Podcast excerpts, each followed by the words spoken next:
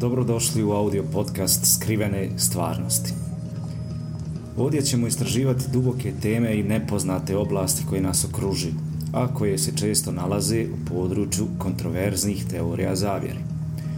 Naša istraživanja će biti temeljena na relevantnim izvorima, ali ćemo se često dotjecati kontroverznih teorija i alternativnih pogleda. Prije nego što započnemo, želimo izraziti zahvalnost Andrew Gentilu koji nas veoma inspiriši. Njegovi podcasti su nam bili izuzetno informativni i korisni. Dubina znanja, istraživanja koji predstavljaju svojim podcastima je zaista impresivna. Čini se da su korak ispred dobro, dobro poznati stručnjaka u tom polju. Kako novi kanal uspjeva tako brzo doći i akumulirati tako veliko znanje? Hm, da li dobijaju pomoć iz vanjskih izvora, pa to i nas zanima. Nadamo se da će mnoge od ovih priča biti izuzetno zanimljive za naše slušalce. Također, pozivamo vas da nam pošaljete poruke s prijedlozima za teme koje želite da obradimo ili čak da nam se pridružite kao gosti ako ste iskusili nešto što se uklapa u okvire naših tema. Također, ja idem pa da li ja sam Regulus, a moje ime sada nije bitno. Hvala vam što ste s nama, pa da krenemo. Može?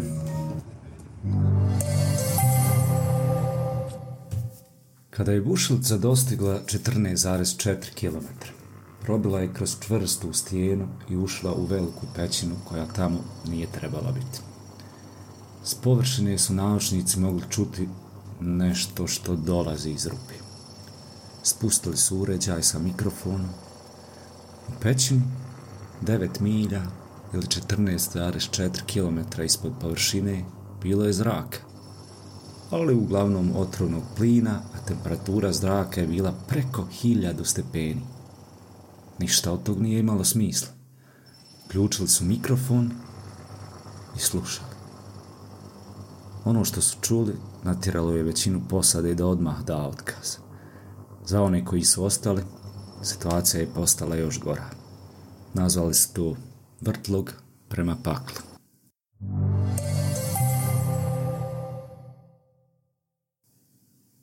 Kada su saveznici pobjedili u drugom svjetskom ratu, brzo su požurili da preuzmu svoj dio nacističkih resursa. Zlato, oružje i nafta. Bili su visoko cijenjeni, ali nijedan resurs nije bio toliko vrijedan kao nacistička znanstvena zajednica, odnosno njihovi naučnici. Sjedinjene američke države pokrenule su operaciju Paperclip, koja je dovela više od 1600 nacističkih znanstvenika, inženjera i tehničara u SAD. Da radi, pa za vladu. Sovjeti su imali svoj plan, operaciju osvajanje, u kojoj je više od 2500 znanstvenika regrutirano u Sovjetski savez. Ovaj priliv talenata pokrenuo je znanstveno rivalstvo koje će trajati sljedećih pola stoljeća.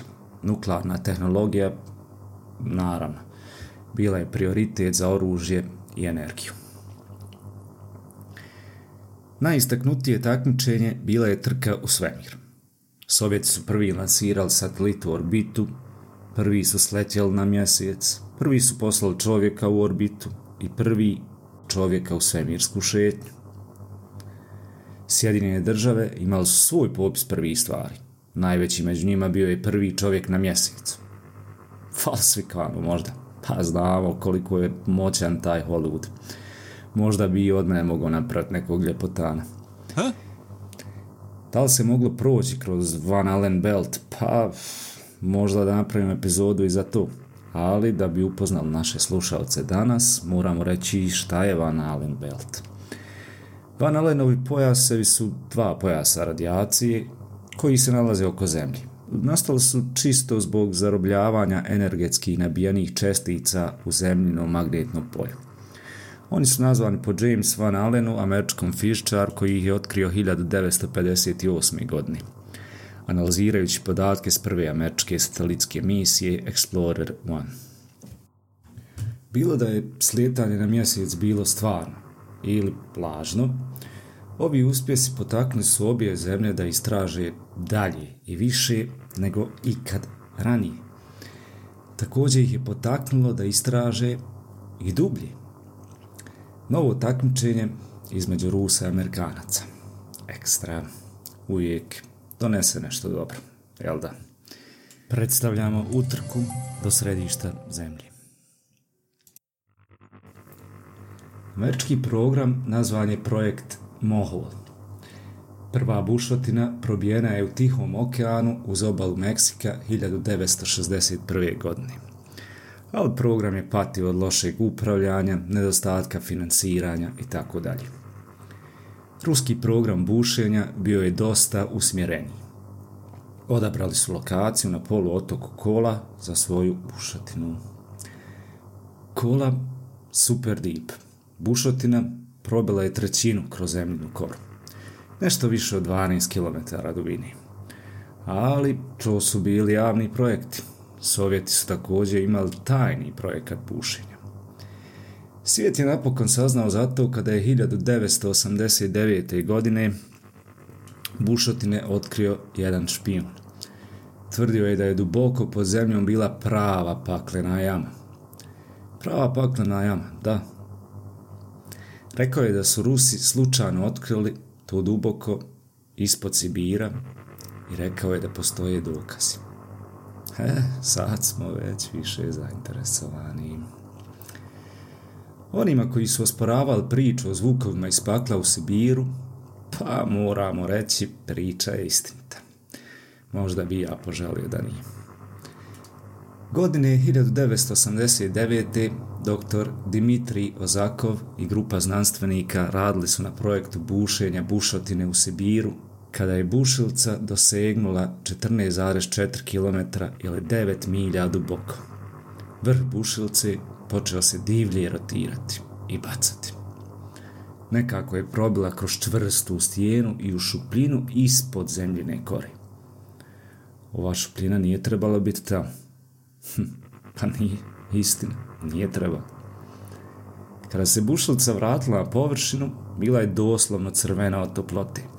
I to je bilo baš neočekivano. Temperature na tim dubinama trebale bi biti oko 100 stepeni, najviše 150 stepeni Celsijusa. Instrumenti su očitali temperature preko 1100 stepeni Celsijusa. Doktor Azakov rekao je, izgleda kao da je u zemlji pakao. Sljedeće otkriće prema doktoru Azakovu bilo je najšokantnije i natjeralo je neke ljude da napuste projekat. Na površini su čuli čudne zvukove iz rupe. Prvo su inženjeri pomislili da je to njihova oprema, pa su isključili sve mašine. Ali zvuk je i dalje bio tu, prisutan. Dio istraživanja na lokaciji bio je za snimanje zvuka kretanja zemlje pomoću specijalizovanih mikrofona, pa su spustili jedan od ovih mikrofona u rupu. Iako je bio dizajniran da radi na visokim temperaturama, mikrofon se pregrijao samo u nekoliko sekundi. Ali, nekoliko sekundi bilo je dovoljno da se dokaže da je zvuk definitivno dolazi iz unutrašnjosti zemlje i blago rečeno bio je uznemirujući. 9 milja ispod površine, odnosno 14,4 km u super zagrijanoj pećini, čuli su se ljudski krici u agoniji. Doktor Azakov citiran je kako kaže. Mogli smo čuti hiljade, možda milijune, u pozadni duša koje vrište. Nadam se da ono što je dolje će tamo i ostati. Azakov je vjerovao da su bušili ravno u sam pakao. Polovica znanstvenika odmah je dala otkaz. Oni koji su ostali na radnom mjestu doživjeli su još veći šok. Kasnije te noći oblak plina izbacio se iz bušotine i poprimio oblik velikog šišpiša, ili krilatog demona. A u plinu su bile i napisane tri riječi. Osvojio sam sve radno mjesto je eruptiralo u strah. A zatim je medicinsko osoblje primilo poziv od nekoga.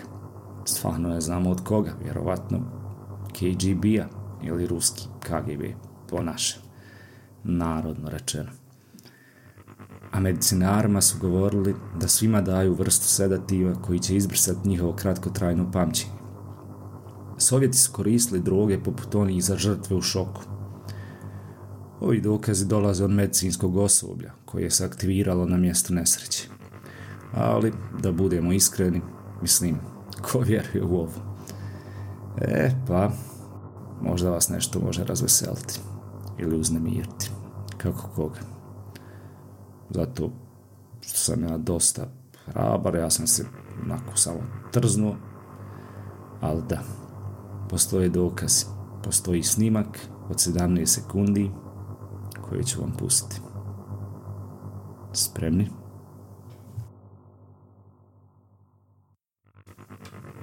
Priča o ruskom bunaru do pakla kružila je godinama. I iako su je neki veliki medijski izvori prijavili kao stvarnu, niko zapravo nije čuo zvuk dokaza. A bez dokaza prilično je lako odbaciti priču kao ništa više od neke legende. Ali 1998. godine Art Bell, voditelj radijske emisije Coast to Coast AM, primio je e-mail. E-mail je rekao da postoji napor da se priča diskredituje. Ali je definitivno istinita. Njegov je ujak imao prijatelja na BBC-u koji je imao kopiju snimka. Priložio je audio zapis uz upozorenje svojim slušateljima i pustio zloglasni zvuk koji je navodno snimljen u bušotini pakla. Upozoravam vas, ono što ćete sada čuti je vrlo uznemirujuće.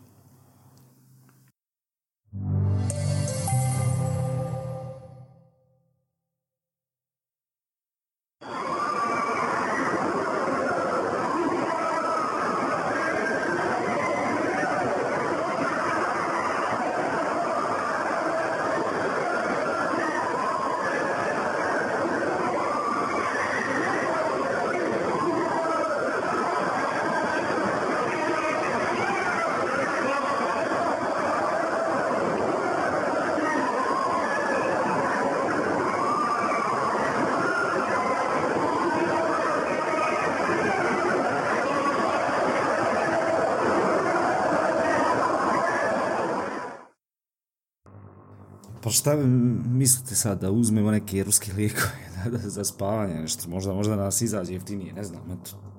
E, treba razmisliti. Treba...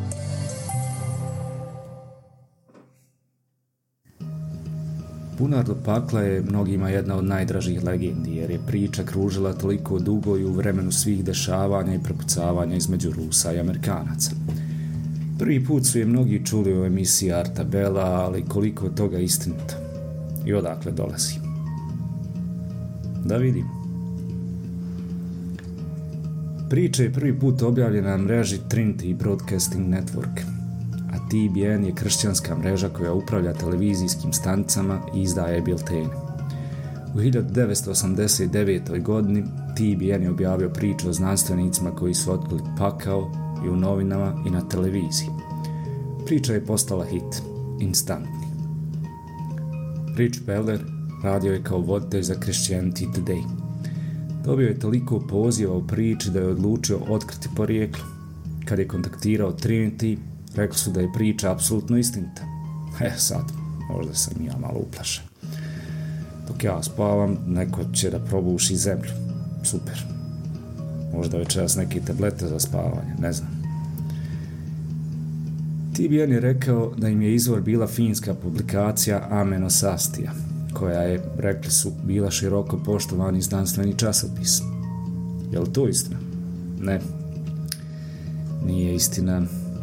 To je bio pa mali časopis. Tako je Rich Beller kontaktirao njih. Rekli su da je članak napisan iz sjećanja super novinarstvo, kako od nas na Balkanu. A, ta osoba se sjećala da je vidjela to u časopisu u kojem su čitatelji mogli poredati bilo kakve riječi koje su htjeli bez izvora ili provjere činjenica. Možda New York Times? Ne, ne, ni on. Ponovo ništa. To je bio drugi finski list. Čitatelj koji je prijavio pročitao ga je u finskom biltenu koji je pokrivao paranormalne priče prije toga priča je bila u drugom listu iz Kalifornije i tako dalje i tako dalje i dalje. Priča je bila samo trači pretjerivanja, ali tvrtke koje su objavile prvenstvenu priču nastavili su da je brani. Kako stoje stvari, priča se i danas dan povremeno pojavljuje svakih nekoliko godina. Ponekad je rupa bila u Aljasci, ponekad u Norveškoj, ponekad je demon samo veliki šišmiš, ali taj zvučni zapis koji smo mi čuli uvijek je bio uključen, što dodaje malo našim alatima za razmišljanje. I ne, naravno, to nisu bili krici milijuna duša u paklu, to je zapravo slojeviti i petljani dio zvučne trake iz horror filma. Većina ljudi misli da je iz 1972. godine bečki horor Baron krivi, ali nismo to još mogli da utvrdimo. Koliko god volio priču o bunaru do pakla, mislim da možemo nazvati da je ova priča demontovana. Danas nema previše projekata dubokog bušenja koji još uvijek djeluju. Kola, ako su podaci i danas tačni, super duboka bušatina u Rusiji još uvijek je najdublja na 12 km. Kola je napravila neka zanimljiva otkrića poput fosiliziranih planktona i ogromnih količina mineralne vode zakupane duboko ispod zemljene površine što smo saznali. Ali te demona nema. Pa nema, nažalost. Stvari na radost. Na radost, definitivno. Barem ne još. Ali ako nastaje bušti, ko zna šta će pronaći. Hvala vam puno što ste danas bili sa nama. Ako je ovo vama bilo zanimljivo, učinite mi uslugu i lajkajte ovaj podcast, preplatite se, komentirajte, podijelite ili slično. To stvarno pomaže malom kanalu kao što je ovaj i koji tek kreći. I do sljedećeg puta stisnite zube za još jednu zanimljivu priču. Pozdrav i vidimo se.